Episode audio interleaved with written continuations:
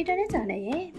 ပြည်တွင်းပြည်ပနည်းပညာသတင်းတွေကိုတင်ဆက်ပေးနေတဲ့တနေ့တာသတင်းအတန်တွေအစီအစဉ်ကနေကြိုဆိုလိုက်ပါတယ်။တင်ဆက်ပေးသွားမယ့်သတင်းတွေကတော့ Viber မှာ GIF များကိုဖန်တီးနိုင်မဲ့လှုပ်ဆောင်ချက်အသစ်တစ်ခုစတင်မိတ်ဆက်ဆိုတဲ့သတင်း။ Honda YES Award 2020ရှောက်လွှာခေါ်ယူနေတဲ့ဆိုတဲ့သတင်း။ GraphFood မှာဇူလိုင်လတလတာလုံးအခမဲ့ပို့ဆောင်ပေးမဲ့အစီအစဉ်ပြုလုပ်တယ်ဆိုတဲ့သတင်းကိုတင်ဆက်ပေးသွားမှာဖြစ်ပါတယ်။ပထမဆုံးသတင်းတစ်ပုဒ်အနေနဲ့ Viber မှာ GIF များကိုဖန်တီးနိုင်မဲ့လှုပ်ဆောင်ချက်အသစ်တစ်ခုစတင်မိတ်ဆက်ဆိုတဲ့သတင်းကိုတင်ဆက်ပေးသွားမှာပဲဖြစ်ပါတယ်။ Viber မှာအသုံးပြုသူများမိမိတို့ရဲ့မိသားစုဝင်များမိတ်ဆွေတငယ်ချင်းများထံသို့ပေးပို့ဖို့ GIF ဖန်တီးပြုလုပ်တဲ့လှုပ်ဆောင်ချက်ကိုမိတ်ဆက်ခဲ့ပါတယ်။ Viber မှာအသစ်မိတ်ဆက်လိုက်တဲ့ GIF လှုပ်ဆောင်ချက်မှာအသုံးပြုသူအယောက်250အထိအသုံးပြုနိုင်တဲ့အဖွဲလိုက်စာတို့ပေးပို့မှုနဲ့အသုံးပြုသူ25ယောက်အထိချိတ်ဆက်နိုင်တော့အဖွဲလိုက်ဖုန်းခေါ်ဆိုနိုင်တဲ့လှုပ်ဆောင်ချက်တွေအတွက် live ဖတ်တဲ့အသုံးဝင်ဆုံးလှုပ်ဆောင်ချက်သစ်တစ်ခုဖြစ်တယ်လို့သိရပါတယ်။ GIF ဖန်တီးပြုလုပ်တဲ့လှုပ်ဆောင်ချက်ကို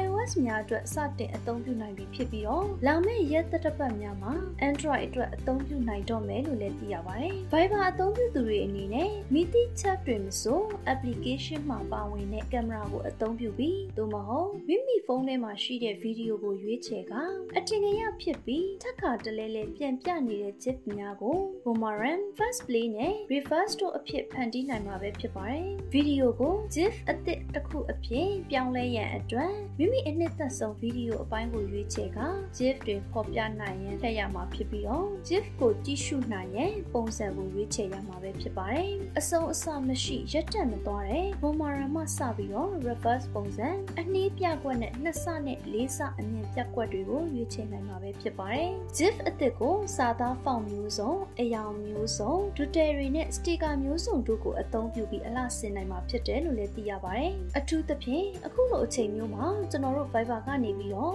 အသုံးပြုသူတွေအနေနဲ့စာတိုပေးပို့တဲ့အခါမှာသူတို့ကိုသူတို့အကောင်းဆုံးဖော်ပြနိုင်မှုရည်ရွယ်ပြီးတော့စူးစမ်းလျက်ရှိပါတယ်။ကျွန်တော်တို့ Viber မှာ emoji တစ်ခုကစာတစ်လုံးကိုအစားထိုးနိုင်တယ်ဆိုရင် GIF တစ်ခုကစာကြောင်းတစ်ကြောင်းကိုအစားထိုးနိုင်မှာပဲဖြစ်ပါတယ်။အခုကျွန်တော်တို့အသစ်မိတ်ဆက်လိုက်တဲ့အသုံးပြုသူတွေစိတ်ကြိုက်ဖန်တီးလို့ရနိုင်မဲ့ GIF တွေကိုအသုံးပြုပြီးကိုပြောချင်တဲ့အကြောင်းအရာနဲ့ကိုအနည်းဆက်ဆုံးဟာတာမြောက်အောင်ဆက်သွယ်ပြောဆိုနိုင်မှာပဲဖြစ်ပါတယ်လို့ Viber မှာတာဝန်ရှိသူတဦးကပြောကြားခဲ့ပါတယ်။ဆက်လက်ပြီး Honda YES Award 2020ရှောက်လွှာခေါ်ယူဆိုတဲ့သတင်းကိုတင်ဆက်ပေးသွားမှာပဲဖြစ်ပါတယ်။ Honda Foundation နဲ့မြန်မာနိုင်ငံဂျပန်ပြန်ပညာသင်ဟောင်းအသင်း MAGA တို့မှပူးပေါင်းပေးအပ်တဲ့ Honda YES Award 2020အတွက်ရှောက်လွှာခေါ်ယူနေပါတယ်။အဆိုပါဆုကိုရန်ကုန်နည်းပညာတက္ကသိုလ်မန္တလေးနည်းပညာတက္ကသိုလ်ရန်ကုန်အနောက်ပိုင်းနည်းပညာတက္ကသိုလ်နည်းပညာတက္ကသိုလ်တက်လင်နည်းပညာတက္ကသိုလ်မှော်ပြီးနည်းပညာတက္ကသိုလ်မန္တလေးများမှာပြင်စမနှစ်သို့မဟုတ်နောက်ဆုံးနှစ်ပညာသင်ကြားလျက်ရှိပြီးတော့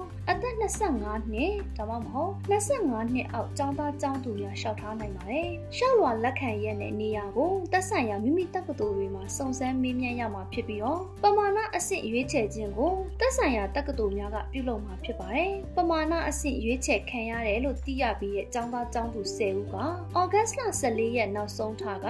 MAG ရုံးခန်းကိုဆက်သွယ်ရမှာပဲဖြစ်ပါတယ်။ဒုတိယအဆင့်ရွေးချယ်ခြင်းအတွက်စာစီစာကုန်းကိုမြန်မာဘာသာဖြင့်ဖြေဆိုရမှာဖြစ်ပြီးတော့မန္တလေးနည်းပညာတက္ကသိုလ်နဲ့နည်းပညာတက္ကသိုလ်မန္တလေးတို့မှကျောင်းသားကျောင်းသူတွေဟာ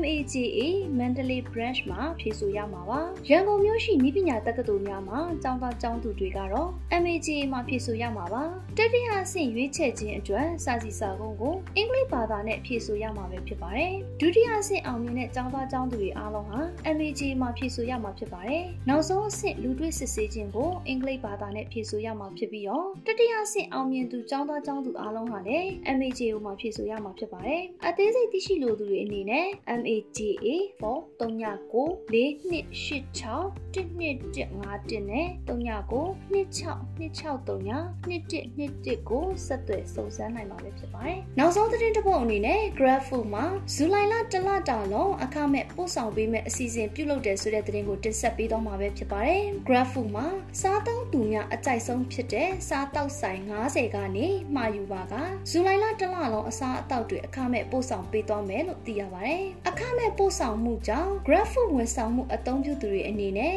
အထူးသဖြင့်ယခုကဲ့သို့မိုးရသည့်ကာလအတွင်းအပြင်ထွက်ဝယ်ယူရန်မလိုပဲမိမိတို့ကြိုက်နှစ်သက်တဲ့အစားအသောက်တွေကိုလွယ်ကူအဆင်ပြေစွာမှာယူသုံးဆောင်နိုင်မယ်လို့လည်းသိရပါတယ်။ Graph မှာယခုကဲ့သို့အခမဲ့ပို့ဆောင်ပေးခြင်းဖြင့်အစားအသောက်မှာယူစားသုံးသူများအများဆုံးရွေးချယ်မှာယူလေ့ရှိတဲ့စားသောက်ဆိုင်တွေဖြစ်တဲ့ Lotteria, KFC, YKKO, The Pizza Company နဲ့ KSS တန်ပေါက်ဆိုင်အပါအဝင်အခြားသောလူကြိုက်များတဲ့စားသောက်ဆိုင်တွေရဲ့အော်ရာပမာဏနဲ့ရောင်းအားကိုပါမြင့်တင်ပေးနိုင်မှာဖြစ်တယ်လို့လည်းဆိုပါတယ်။ရန်ကုန်မြို့ရှိ Grab Food မှာယူစားသုံးသူတွေအနေနဲ့ပို့ဆောင်ကအခမဲ့ရရှိနိုင်တဲ့စားသောက်ဆိုင်တွေကို Grab application အတွင်းရှိ Grab Food homepage ရဲ့ free delivery အုပ်စုထဲမှာအလွယ်တကူတွေ့ရှိနိုင်မှာဖြစ်ပြီးတော့အခမဲ့ပို့ဆောင်မှုရရှိနိုင်စေဖို့အတွက် promo code JUSTEAT ကိုအသုံးပြုနိုင်မှာပဲဖြစ်ပါတယ်။ပို့ဆောင်ကအခမဲ့ဖြင့်မှာယူနိုင်ဖို့အနည်းဆုံးငွေကျပ်4000ဘိုးမှာယူရမှာဖြစ်ပြီးတော့နေ့စဉ်ပထမဦးဆုံးမှာယူသောအော်ရာ900အထိအခမဲ့ပို့ဆောင်ပေးမှာဖြစ်တယ်လို့လည်းသိရပါတယ်။အခုတင်ဆက်ပေးသွားတဲ့သတင်းတွေကတော့နိုင်ငံတကာနဲ့ပြည်တွင်းမှာရရှိထားတဲ့နည်းပညာသတင်းတွေကိုအင်တာနက်ချန်နယ်ကနေတင်ဆက်လိုက်တာပဲဖြစ်ပါတယ်။အခုလို COVID-19 ဖြစ်နေတဲ့ကာလမှာပြည်သက်တွေအနေနဲ့လည်းကျန်းမာရေးနဲ့အားကစားဝင်ကြီးဌာနရဲ့လမ်းညွှန်မှုတွေနဲ့အညီလိုက်နာဆောင်ရွက်ခါနေထိုင်သွားလာဖို့တိုက်တွန်းလိုက်ပါတယ်။ကျွန်မကတော့ဝင်းမြင့်ပါ